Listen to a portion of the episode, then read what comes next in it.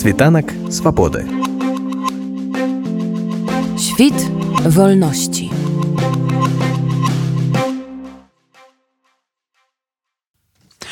Ва ўкраіне цэнтрам мерапрыемстваў прымеркаваных да 105 годка абвяшчэння бнр стаў львоў на жаль украіна працягвае цяжкае але можнае змаганне за сваю волю і незалежнасць з велічэзнаю расійскаю навалаю і ў гэтым змаганні немалы ўнёсак беларусаў якія таксама змагаюцца на фронте. 37 беларусаў на жаль аддалі ў гэтым змаганні за волю сваё жыццё. Менавіта ім прысвечаная фотавыстава з назваю з украінай у сэрцы якая адкрылася 24 лютага ў Львове Паўнамасштабная вайна, якая доўжыцца ва ўкраіне ўжо больш за год, не дае магчымасці зараз зладзіць ва ўкраіне нейкія святкаванні. Да і па шчырасці нагодаў для святкавання па вялікім рахунку пакуль не надта і бачна. Менавіта таму ва ўкраіне для адзначэння 25 сакавіка быў абраны фармат фотавыставы пра беларусаў, якія аддалі свае жыцці ў жорсткай вайне за свабоду. Варта сказаць усёй Еўропы. У львоўскім доме ваяра, які, дарэчы, з'яўляецца дзяржаўнай установай львоўскай абласной рады, выстаўленыя партрэты ды фотаздымкі з мірнага жыцця ў Беларусі з момантаў баёў і адпачынкаў між імі 15 беларусаў, якія загінулі ва ўкраіне, пачынаючы ад 2014 года. Экспазіцыя пачынаецца стэндам пра героя Украіны Мехася Жзнеўскага, які загінуў на майдане годнасці. Тут і тыя, хто аддаў жыццё падчас актыўнай фазы вайны ў 2014-15 годах і тыя, каго мы страцілі з пачатку паўнамасштабнага ўварвання рассіі ва ўкраіну у лютым 22 году. Гаворыць арганізатар выставы кіраўнік дабрачыннага фонду вільна Беларусь Алексей Францкевич. Фотавыстава з Украіны в сердце прысвечана беларускім героям героям якія аддалі сваё жыццё ў барацьбе супраць расійскіх агрэсараў. Беларусы якія аддалі сваё жыццё за еўрапейскі выбор за еўрапейскія ценнасці за дэмакратію. Я спадзяюся что іх імёны у будучыні будуць асацыяваць не толькі са свабодай і незалежнасцю Украіны але і са свабодай і незалежнасцю Беларусі вельмі важна чтоб сёння украінцы ведалі что ёсць беларусы а ёсць лукашысты беларусы гэта тыя хто сёння тут робіць усё каб перамагчы расійскую імперію каб потым зрабіць Беларусь вольнай незалежнай краіны. Таксама вельмі важна увекавечыць памяць герою. Таму мы прынялі рашэнне і на базе гэтай фотавыставы в Украіне з'явіцца музей вольная Беларусь, дзе будуць прадстаўлены экспанаты, дзе будзе прадстаўлена інфармацыя а ўсіх беларускіх герояў якія пачынаюць 14 -го года аддалі сваё жыццё за нашу будучыню за будучыню наших дзяцей пачалася цырымонія адкрыцця выставы з урачыстай імшы якую зладзілі прадстаўнікі праваслаўнай царквы Украіны украінская грэка-каталіцкая і украінская рыма-каталіцкай церкваў асноўнае казанне падчас малебну сказаў арцыбіскуп драгобыскі самбарскі праваслаўнай царквы Украіны ўладыка якаў соседи не другие прийшли в нашу землю. Прийшли, щоб ополонити, загарбати Україну. А ми бачимо, є добрі сусіди, є погані сусіди. Добрі сусіди ті, які відчувають, співчувають в біді свого собрата. Брат сват далеко може бути, а сусід завжди близько. І бачимо ми з півночі сусідів, які сьогодні ви відкрили цю виставку в обороні Білорусі. Саме ви співчутливим своїм серцем свого білоруського народу подаєте руку Україні. Та рука, яка подається, вона щедра і щира, вона Богом благословенна а та рука, яка потобічний світ, яка тянеться до Росії, то вона по локоть у крові. Ми народ мирний, люблячи свою країну, любимо сусідів, любимо, як бачите, всіх і воїни Білорусі, які є в Україні сьогодні, воюють і захищають, покладають своє життя за долю волі України. Бо немає більшої від тієї любові, хто би душу поклав за свого собрата. От і честь, шана, слава, перш за все воїнам, які тут сидять, які на передовій віддають своє життя в окопах, які загинули за долю і волю України. Тому сьогодні сама найцінніша ця дань між минулим і будучим це боронитися країну Білорусі і України. Ми приймаємо на себе цей удар від кровожадних недругів сусідів за цілісність України. Ми вам вдячні, дорогі сябри, собрати Білорусі, які подаєте свою щедру руку, які також боронитеся і співчуваєте нам, Україні. Слава Ісусу Христу! Слава Україні і Білорусі разом! Народам слава! Хай вас Бог благословить і укріпить. Тим, які життя своє віддали за долю волю України і Білорусі, вічна їм пам'ять. Прошу стати. Зі святими упокой, Господи, невинно убієних воїнів, вождів, за долю волю України і Білорусі своє життя віддали. Вічна їм пам'ять, вічний спокій.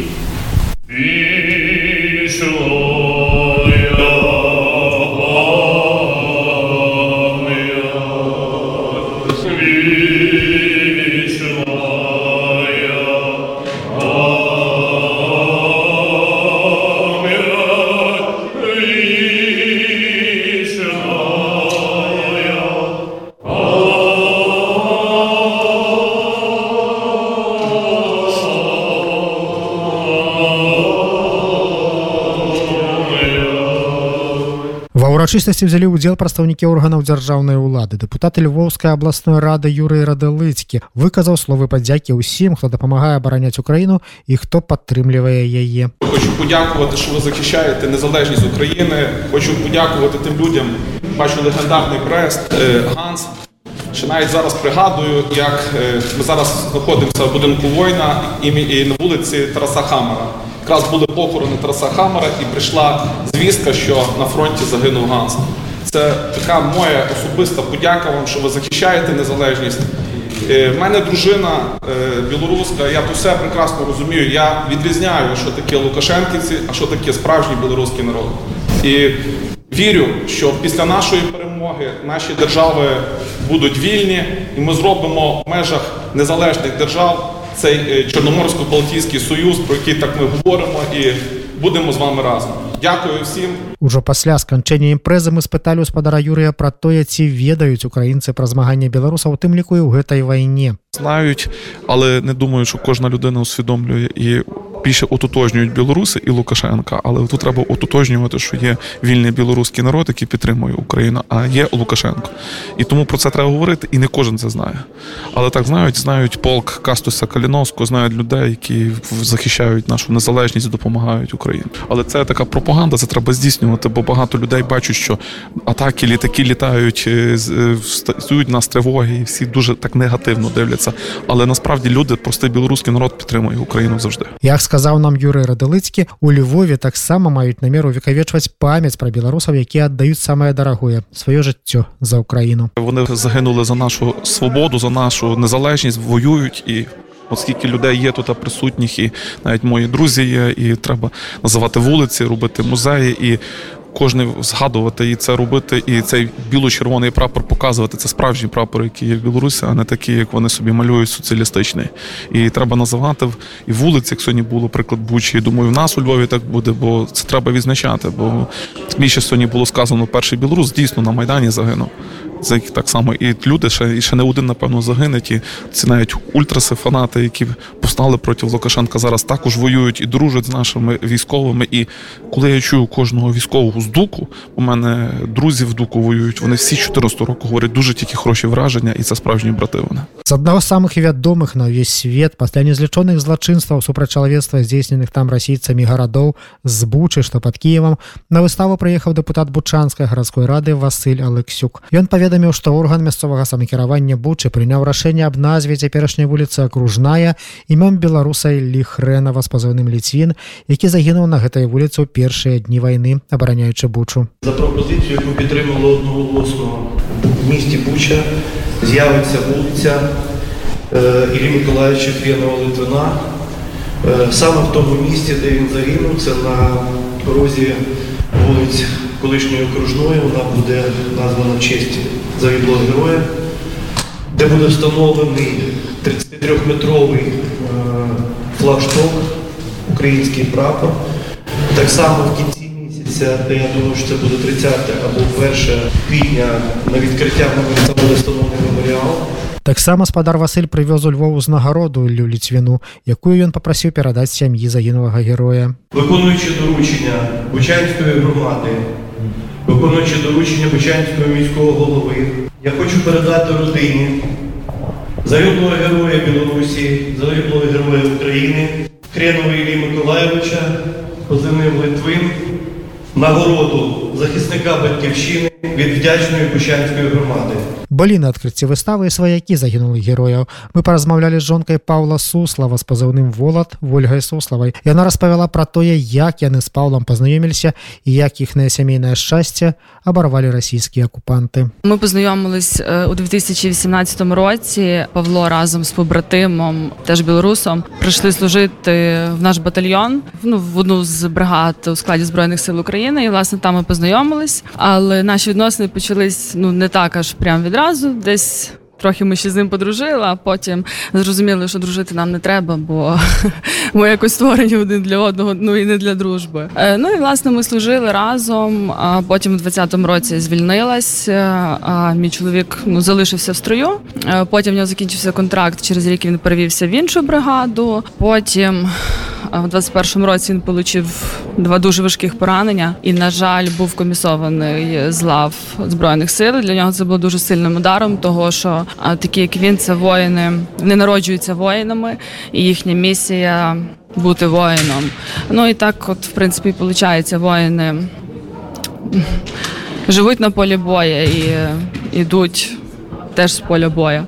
А потім 22-й рік. З побратимом білорусом ми створили добровольче формування. А я була вдома. На жаль, не могла долучитись до цієї боротьби, того що виховує в нас маленька донечка. Звати Еліса. До речі, її назвав так саме Паша. Ну і все. І якось можна було жити до 15 травня, до того моменту, коли він пішов спадарня ольга не вельмі задаволеная тым што пазыўным ейнага суджэнца названае адно з падраздзяленняў палка кастуся каліноўскага і вось як яна гэта патлумачыла Ми не спілкуємося. Особисто я не спілкуюся з військовими з полку Кастуся Каліновського. А Не знаю хлопців, які е, служать в батальйоні Волод. І думаю, навряд чи будемо спілкуватися з полком Кастуся Каліновського. І взагалі би, якби можна було, я не дозволила, щоб ім'я мого чоловіка ем, асоціювали саме з цим підрозділом. Ну тому що вони. Вони вони ну не мають нічого спільного з тими ідеями, які сповідував мій чоловік, і в принципі, е, ну навіть от в самому простому в їхньому відношенні, е, якби мені не зателефонував е, Пашин побратим і не повідомив про загибель зранку, 16 травня, то моя сім'я дізналася би про це з ну інтернет-пабліках. Взагалі, люди, які служать в структурі збройних сил України, якщо там знаходиться їхній полк, вони мають якось вивчати правила, порядок, як це все подається, а не ну в принципі за це наказують, але просто якби в той час не було м, сили здоров'я цим займатися. Ну от, от дійсно. Батальйон е, сам і це ще був тоді батальйон Кастуся Каліновського. Він е, е, якби ну як вони його створювали? Це просто коли почалось повномасштабне вторгнення. е, в перший день хлопці, отакі як мій Паша, ті, що воювали з ним раніше, дуже багато хлопців, які приїхали за кордону, і вони, от в принципі, утворилися, утворився в них такий підрозділ, але вони ще не були в складі збройних сил, тобто воювали добровольцями. Ну а потім, вже по-моєму, з кінця березня вже вони увійшли в склад ЗСУ і якби ну стали таким, скажімо, лінійним батальйоном. А потім, коли вже він був реорганізований в полк, це було вже після загибелі мого паши, то і тоді вже власне сформувались два батальйони, які почали носити ім'я Волод і терор е, на честь Дмитра Панасовича. Прадстаўнікі ж палка імя Кастуся Каліновскага, Дзяніс Урбанович і Алексей Вайцяхович, якія якраз ваююць у батальёне Волат, таксама прысутнічалі на імпрэзе. Спадар Алексей падчас свайго выступу быў моцна ўсхваляваны ўбачанымі партрэтамі сваіх камандзіраў, тым ліку таго самага Паўла Суслава Волата і прамаўляў з цяжкасцю. Але ўжо па заканчэнні афіцыйнай часткі ён сказаў нам пра тое, што яго найбольш хвалюе. Першае это канешне боль за страты пабратымаў за страты камандыраў таму што это былі ўсё ж такі людзі з вялікай літары это быў самы сок беларускай нацыі это лепшыя яе сыны і вельмі шкада што яе лепшыя сыны загінаюць але з гэтым нічога не паробіш. І на жаль як бы мы не плакалі чтоб мы не казалі пра наших загінулых і іх ўжо гэта не паверне а вось з нашими палоннымі про іх трэба размаўляць і трэба намагацца зрабіць усё каб іх выцягнуць. Бо хлопцы знаходяцца ў нечалавечых умовах. І я думаю что нават калі яны дагэтуль жывыя то ну, я думаю что доўга яны ну, трымацца так не змогуць Таму што мы бачылі як якімі выходзілі з э, маскоўскага палону абаронцы Марыуполя і цяжка уявіць у якіх умовах утрымліваюцца нашы хлопцы і ці жывы яны дагэтуль.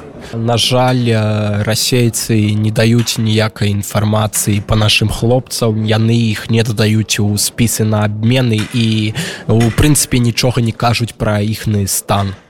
То бок мы на дадзены момант можам толькі гадаць і спрабаваць хаця бы выцягнуць з іх якую-нибудь інфармацыю калі яны загінулі хаця бы забраць іхныя целы азоўцы якія таксама былі ў палоне і бачылі наших беларускіх хлопцаў яны расказвалі што да іх там асабістыя стаўленне іх з іх там здзекуюцца іх там катуюць амаль што не кормяць і ну, цяжка уявіць у насколькі доўга ў такіх умовах можа пратрымацца чалавек На адкрыцці выставы было нямала дзейных вайскоўцаў якія змаглі адлучыцца з пазіцыяй адна з іх беларуская добраахвотніца другога замежнага легіёну ўзброеных сил Украіны з пазыўным даша только с почасами ненависти только с почитаем ненависти к москалям, потому что они забрали мой дом, пытаются забрать дом моих э, близких.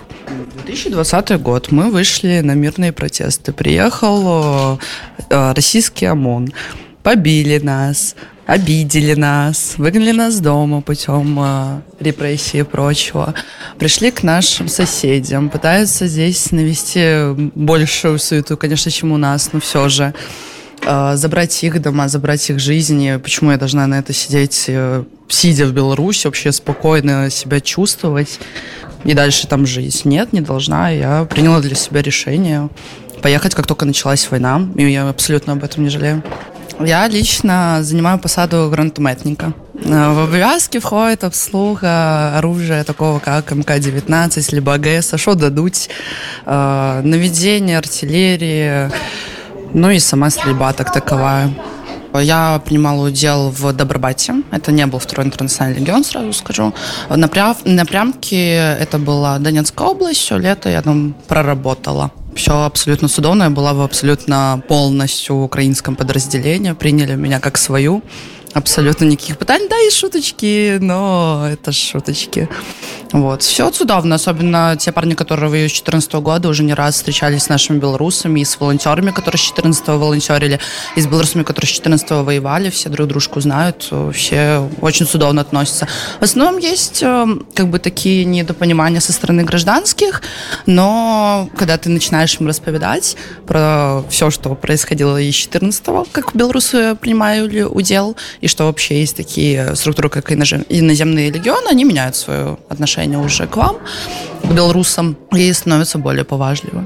У музей, які мусіць у хуткім часе паўстаць у Львове, некалькі першых экспанатаў перадала дырэктарка музея нацыянальнай годнасці ў Львове Андрыяна Дыхдалович. Вось што яна распавяла нам пра свае дачыненні з беларускай тэматыкай. Ми е, давно знайомі з Олексієм Францкевичем. Познайомились ми якраз зараз скажу точно, де напевно два або три роки тому, коли ми від музею робили ходу пам'яті, присвячену першим загиблим на майдані. Ми тоді шукали представників від Білорусі і зв'язалися з ним, щоб вони долучилися до вшанування Жизневського. І от після того ми кожного року спільно вшановуємо пам'ять Жизневського у Львові. Це ми йдемо на меморіал, запалюємо свічечку, проговорюємо про подвиг Михайла для України, та яка воно для нас ціну має. І ми через то так з ним постійно спілкуємося. Він розуміючи, що у нас вже є досвід, він радився, як би було йому правильно підійти до цього питання, чи, чи актуально це у Львові, чи йому треба такого таке робити. І через те я в принципі вже знаю, що є така ідея, і ми її активно підтримуємо і рахуємо, що таке місце не буде лишнім для нас, для Львова. Щоб більше людей дізналося, що є одне це є підтримка країни, інше це є підтримка людей, і що не завжди думка та представників країни це те саме, що є звичайні мешканці, і що серед білорусів є хороші люди, які підтримують Україну, які воюють на стороні України, і які хочуть, щоб в них вдома так само була вільна демократична країна. Арганізатор выставы Алексей Францкевич лічыць, што падзея атрымалася значна і выказвае свае падзякі тым, хто далучыўся да яе. Вельмі добра, што сюжэт пра гэтую выставу быў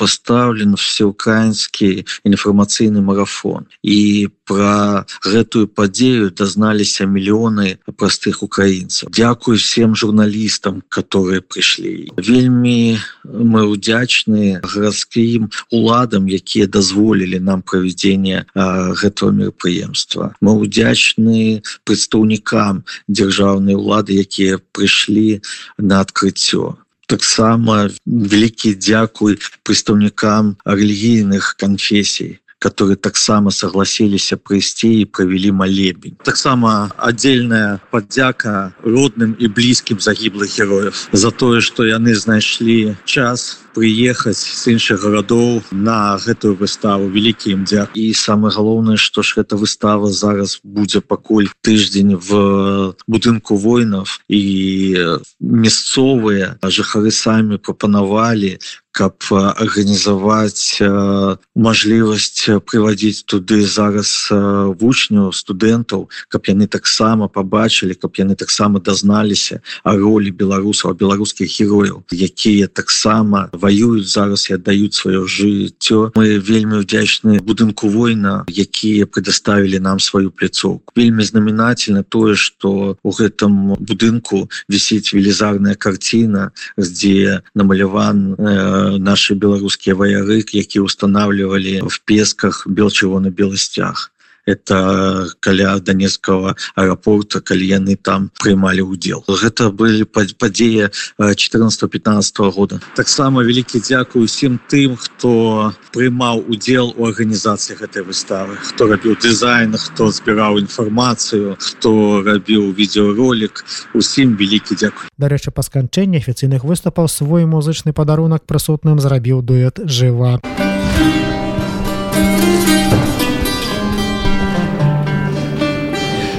Дунаю, Дунаю, бистра вода в тобі, не дівчатко, не боліш,